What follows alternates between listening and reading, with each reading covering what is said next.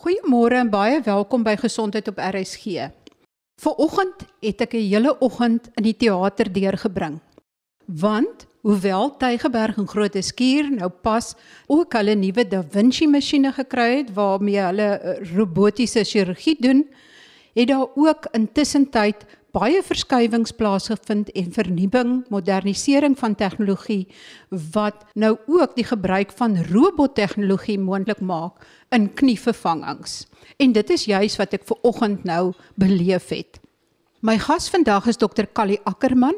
Hy is 'n ortopeed by Netcare Blouberg. Dokter Ackerman, die eerste ding wat ek waargeneem het in die teater nadat die pasiënt se been nou mooi voorberei is en al die plakwerk en al die goeders gedoen is, is dat jy op die knie met 'n koutjie pen streepies getrek het oor waar jy beplan om te sny. En toe jy begin sny, het jy baie duidelik seker gemaak dat jy om die knie skuif sny en dat jy nie strukture seermaak nie. Vertel ons net van hoe belangrik is daai eerste snit in die beplanning? Ja, ons beplan wat se toegang ons gebruik vir ons verskillende chirurgieë. Daar is verskillende toegange. Ek gebruik die mediale parapatellaire toegang wat jy um, basies in die quadriceps tendon sny en dan om die knieskyf sny en dan net aan die kant van die patella tendon sny. Ek posisioneer dan ook my velincisie op so 'n manier dat as die pasiënt op sy knie sou staan, laat die snit self so min ongemak sal veroorsaak as moontlik en ek probeer ook om so min as moontlik die vel en die subkutane weefsel op te lig en te ondermyn. So uh, dit is die mees atraumatiese manier wat ek die insisie kan doen. En ek merk dit as ek mooi kan sien voor ons nou uh, die IO-band op het plak. Dokter, en dan in die loop van die chirurgie, die knie is nou mooi oopgemaak en dan sien jy die been die knie se boonste deel wat dan eintlik deel is van die bobeen en jy sien ook die onderste deel wat deel is van die skeenbeen of die tibia. En dan sit jy merkers in en dis waar die robot nou inkom. Ek het gesien op die skerm sê dit vir jou dit moet elke anatomiese struktuur evalueer en noteer en dan lyk dit asof die robot vir jou presies sê hoe daar gesny kan word. Voor die robot het ons of uh, guides gebruik waar jy 'n pen binne in die been sit aan die bokant en aan die onderkant om dan van daar af die regte hoek te meet wat jy jou snitte wil maak op die bo en die onderbeen. Dit is indringend en die pasiënte bloei meer as jy dit doen en hulle kanse vir bloedklonte en pulmonale embolie is meer. Die robot help nou vir ons om daai te kalkuleer. So ek beweeg die been en die trekkertjies wys dan vir ons waar die heup se senter is en die uh, anatomiese landmerke wat ek in die knie en om die enkel meet wys dan vir ons die anatomiese beleiding van die tibia of die onderbeen en dan ook die rotasie die uh, hoogte waar daar beenverlies is en dan met al daai landmerke kan hy dan al daai hoeke wat ek van 'n 'n guide moet kalkuleer kan hy dit dan uitwerk en dan bring die robot arm vir my die die snit um guide tot teen die been en dan kan ek nou vir hom sê op my beplanning hoeveel ek waar wil sny en dan kyk ons ook wat die balans en beleiding van die been is. So ons kies om die been reguit te maak en ons moet dan ook kies waar die benige defekte onstabiliteite kan veroorsaak. Laat hy vir ons daai gapings vol maak met die dikte van die komponente wat ons insit. So hy kan dit alles 20 stappe vooruit werk dat ek net een keer hoef te sny en dit dan heeltemal reg sal wees en gebalanseerd wees. Dit was my baie interessant om te sien. Ek het altyd in my kop gedink dit is net wat jy die onderste deel van die bobeen afsny en die boonste deel van die tibia afsny en dan sit jy die proteses in. Maar dis baie meer kompleks as dit. Dit is jy moet al die kante moet jy aansny en jy het gesaag, maar dan ook vreeslik versigtig gebytel om presies die regte vorm te kry. Ons probeer maar om die die plat oppervlakte op die onderbeen kan jy moet een snit sny, maar dan moet 'n mens ook die abnormale been of die osteofiete ehm um, wat nou kontrakture kan maak wat die ligamente aanspan, moet jy verwyder.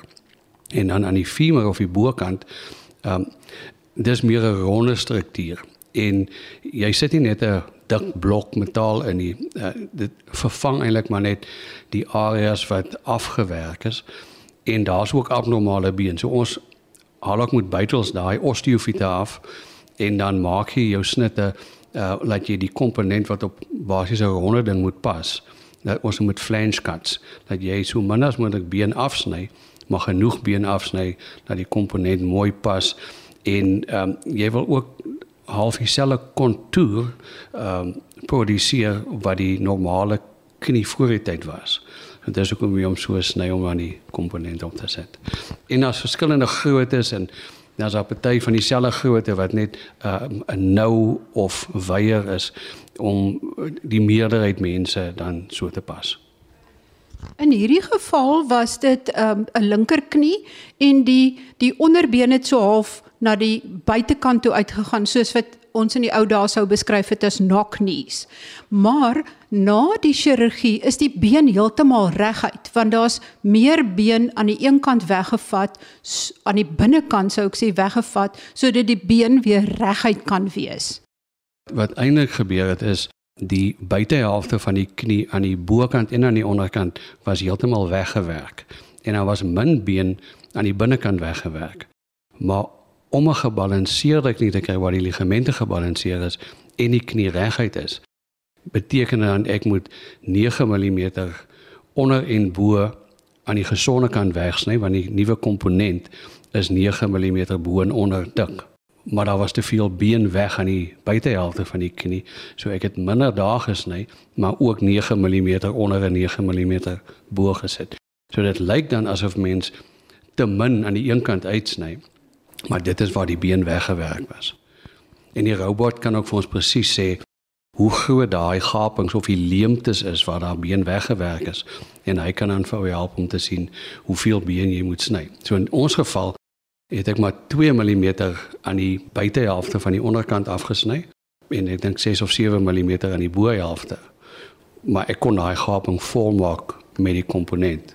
Ek het in die teater gehoor dat ehm um, een van die mense wat die robot beman het en gehelp het om sekere aspekte van die prosedure te verduidelik dat ortopede kan baie akkuraat werk maar dat sê maar 100 pasiënte word gedoen dan is 80 perfek en 20 nie so perfek nie.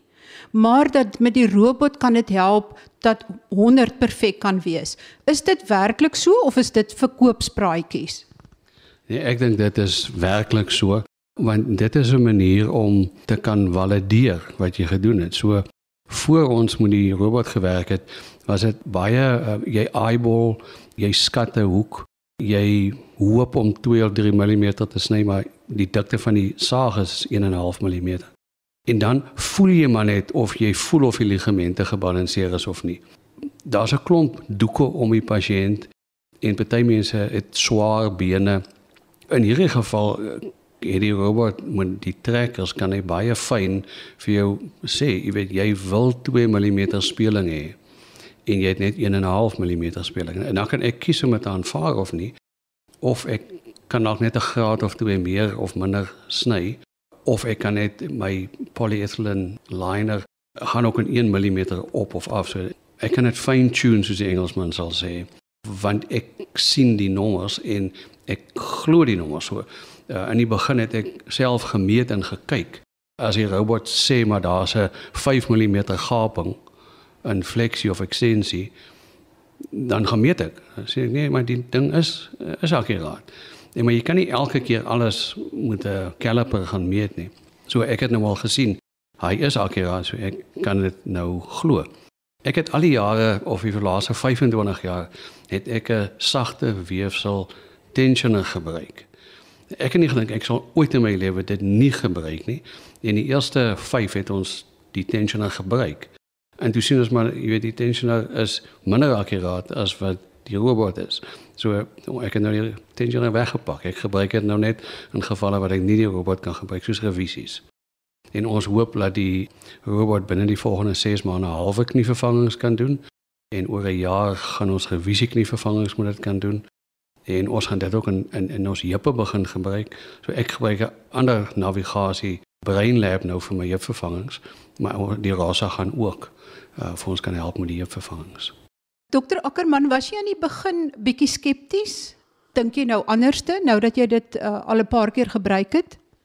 Ek was skepties, uh, selfs nadat ek in Duitsland was om te sien hoe die chirurge dit gebruik. Ek was nie heeltemal seker dat ek my filosofie van ligamentbalansering en meer 'n konstitusionele beleiding eerder as 'n anatomiese beleiding gebruik of ek vir die robot mooi sal kan verduidelik wat ek wil doen, maar die robot kon aanpas by my werkvloei. So ek doen nou presies wat ek altyd gedoen het, net met minder stappe en uh, moet minder herhaal prosedures wat ek moet doen. Ek moet baie keer twee of drie keer sny ja, om my knie heeltemal reg te balanseer en te belyn. En nou kan die robot my paar sommer 10 stappe vooruit wys wat ek moet doen en ek hoef ek net een keer my snitte te doen en dan weet ek dit gaan werk en ek het dit nou al hele paar keer gesien. Dit is presies soos wat hy vir jou in die beplanning sê. Wat my veral getref het tydens die prosedure is hoe baie keer jy letterlik die been beweeg het na weerskante toe op en af fleksie ekstensie om te sien of die protese wat jy gaan insit reg is en jy doen dit dan met 'n toetsprotese om totdat jy tevrede is dat alles presies reg is voordat jy die regte proteses in hierdie geval vasgesement het. Meeste van die moderne knievervangings het jy hierdie trial proteses wat jy insit sodat jy uh, kan kyk hoe dik die uh, polyethylene liner moet wees of die spesifieke ding mooi in die knie pas of jou knieskyf mooi artikuleer met die knie en of hy gebalanseer is. Eers as jy heeltemal tevrede met jou trial is, dan maak hulle vir die pakkies oop met die steriele permanente komponente wat jy insit. Neem die operasie langer of korter? Aanvanklik het dit 'n bietjie langer geneem. Uh, nou moet kompleks uh, vervangings het dus ten minste 'n uur afhaal van die prosedure. Kyk met die valgusknie of die erge nokknie wat ons vandag gehad het, sou ek maklik 2 en 'n half ure opereer. En uh, ek is nie seker hoe lank ons vandag gewerk het nie, maar dis gewoonlik 'n halfuur tot 'n uur korter. In die rotine gevalle so ure en 'n half en ons is nou al hier so net oor 'n uur. Dokter Ackerman, dan wil ek net 'n algemene vraag vra. Gewoonlik is dit pasiënte wat vreeslike bakbene het wat baie keer erge uitwerking van die kniegewrig kry. Maar dink jy dat party mense wat erge knieprobleme het, wag dalk te lank voordat hulle kom vir hulle eerste knievervanging of moet mens maar wag totdat die pyn so erg is dat jy nie meer kan aangaan nie? Ek probeer altyd vir mense sê mens moet die ehm um, die risiko voordele balanseer. So as iemand baie min pyn het, al is sy knie erg bak, is daar nie genoeg voordele om vir hom 'n knievervanging te doen nie. Partykeer sal mense net pyn aan die binnehelfte van hulle knie as hulle ver en te loop. Maar dit nie ruspyn of nagpyn nie. As hulle vroeg genoeg kom, kan hulle 'n halwe knievervanging kry wat 'n um, kleiner operasie is wat veiliger is net so betroubaar is en net so lank gaan hou. Maar op die ou end voel daai knie meer soos 'n normale knie en daar is definitief minder komplikasies, minder bloedklonte en pulmonale embolieë en infeksies en hartaanvalle. So dis dis veiliger. So dis 'n goeie opsie ook vir ou mense. As jy 'n volle knievervanging moet kry, moet jy ook nie regtig seer wees, maar ook nie tot so 'n mate dat jy glad nie meer funksioneer, glad nie meer loop nie. So as jou knie seer genoeg is en jy is gesond genoeg en jou knie is regtig uitgewerk, dan balanseer jy die potensiële voordele en die risiko's. So dis individueel. Maar ek dink as jy nou jou ortoped toe gaan, sal hy jou deur die voordele en nadele vat en dan vir daai opsie gee want dis niemand moet 'n knievervanging kry nie. Jy kies om 'n knievervanging te kry. En as jy dit te gou kry en jou knie is seer genoeg nie, dan is daar te veel mense wat nie gelukkig is met daai knievervanging nie. So as jy op die regte tyd jou knievervanging kry wat 'n halwe of 'n volle is, dan is die kans baie goed dat jy baie tevrede sal wees met dit. Dokter Ackerman, as jy eh, so van in een sin 'n boodskap wil gee vir mense wat luister oor knievervangings met robotchirurgie of nie in die algemeen, wat sal dit wees? Ek dink die robot is hier om te bly. Ek dink al die ortopede wat baie knievervangings doen, gaan op die oomblik maar die knievervangings moet die robot moet doen omdat die data al hoe meer uitkom en al hoe meer uit gaan kom is dat jy kan gaan jou resultate beter kry en jy gaan die operasie 'n bietjie gouer kan doen en jy gaan kan sien hoe jy die knie ingesit het beter werk. Die publiek gaan net meer en meer bewus word daarvan dat 'n goeie robotiese geassesseerde knievervanging gaan 'n meer betroubare uitkomste hê en dan gaan minder van daai ongelukkige pasiënte wees wat nie van hulle knievervangings hou nie. En niemand van ons is 100% van die kere 100% reg nie. Die robot help ons om baie nader aan die 100% 100% van die kere te kom. Ek wil sommer 'n paar interessanthede met julle deel wat ek in die teater opgelet het. Eerstens, die eerste snit is om 8:23 gemaak en teen 11:34 was die knie netjies toegewerk. Dit was 'n komplekse geval daar is baie kere oor en oor gekyk en getoets en gemeet en dit het my nogal baie opgeval hoe akkuraat die dokter probeer werk om doodseker te maak dat die pasiënt na die tyd baie goeie gebruik van die knie sal hê met 'n reguit been en nie meer knock-knees nie. En voordat ek verder gaan, gaan kyk gerus op www.rsg.co.za want ek het daar fotos gelaai wat ek geneem het tydens die chirurgie. In die byskrifte sal jy duidelik kan uitmaak hoe al die stappe gevolg is en wat presies in die teater gebeur het. Interessantheidshalwe is dat ortopediese chirurg kan 3 tot 5 grade uitwees met 'n knievervanging.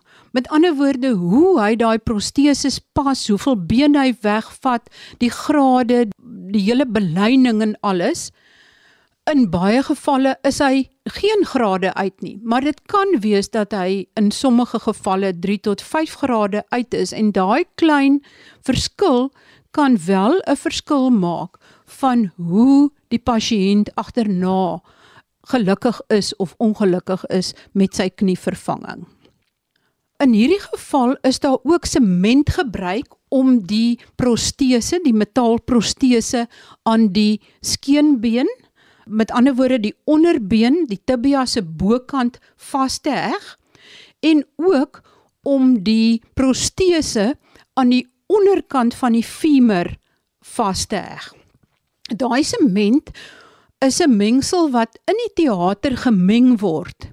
En dan word dit amper soos wat jy silikon in jou badkamer in gleuwe sal spuit, word dit op die protese gespuit en netjies gesmeer en ook op die deel van die been waar die protese geheg kan word. En dan word die protese met die sement aan op die bokant van die tibia met die sement af aan of aan die onderkant van die femur met die sement aan vasgedruk en baie styf vasgehou.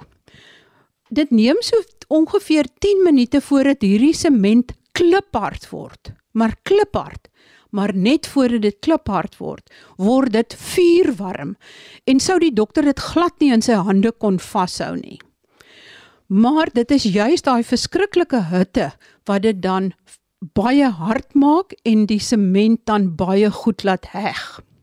Wat my ook opgeval het, is dat die dokter in hierdie geval baie noukeurig allerhande vergroeisels binne in die kniegewrig baie akkuraat uitgesny het. Hy het elke stukkie vergroeisel, elke stukkie verharding, elke dingetjie wat kon keer dat die nuwe knie nie reg werk nie, het hy met groot omsigtigheid en versigtigheid uitgesny stukkie vir stukkie sodat dit 'n baie skoon area is. Ook 'n baie interessante ding is dat daar verskillende soorte robottegnologie is om knievervangings te doen. Daar is klein verskille en elke ortopediese chirurg wat knievervangings doen en besluit om robot chirurgie te doen, sal sy keuses uitoefen oor watter tipe robotchirurgie en watter tipe robot hy wil gebruik. Wat ek ook opgelet het is dat kort voor die einde van die operasie en voordat die dokter begin het om die wond toe te werk, het hy blokale verdowingsmiddel in die wond gespuit sodat die pasiënt so min pyn as moontlik kan ervaar wanneer die pasiënt weer wakker word en dan word daar 'n pynblok ook ingeplant deur die narkotiseer voordat die pasiënt wakker gemaak word. Dit is alles om pyn soveel as moontlik te verminder na die operasie want mens kan mos nou dink as aan soveel been geskaaf en gewerk word dat dit wel 'n pynlike prosedure is. Die pasiënt sou dieselfde middag of die volgende oggend op die been gehelp word om dan onmiddellik weer te begin om die been en die knie te gebruik. Mense het altyd gedink aan ortopediese chirurge as hierdie woeste manne wat saag en drill en boor en te kere gaan en ja, daar is daai geluide in die teater. Jy hoor hoe hulle boor, hoe hulle kap. Maar dit was eintlik meer soos 'n gekap en 'n gebytel van 'n beeldhouer. Daar was bitter min bloed. Die area waar gewerk is was ek wil amper sê bloedvry, bloedloos en jy kom baie baie duidelik sien wat die dokter doen en hoe hy dit doen. En die laaste punt wat ek net wil maak is weer eens dat ek het altyd gedink as jy 'n knievervanging doen, dan neem jy net die onderste deel van die femur weg, maar dit is eintlik 'n herskepping van die vorm van die femur se onderste deel sodat die protese presies rond daarop pas. En dit is dan juis waar die robottegnologie so gepas inkom om daai berekening so akkuraat te maak dat die beleining en die hoeveelheid been wat weggevat word so akkuraat bereken kan word dat jy vooraf kan voorspel en kan sien in die teater hoe die pasiënt sy knie en sy been na die operasie sal kan gebruik. Nou het ek genoeg gepraat. Nogmaals baie dankie aan my gas Dr. Callie Ackermann van Netcare Blouberg. Skakel gerus volgende week weer in wanneer ek weer oor gesondheidsake gesels. Baie groete van my, Marie Hudson.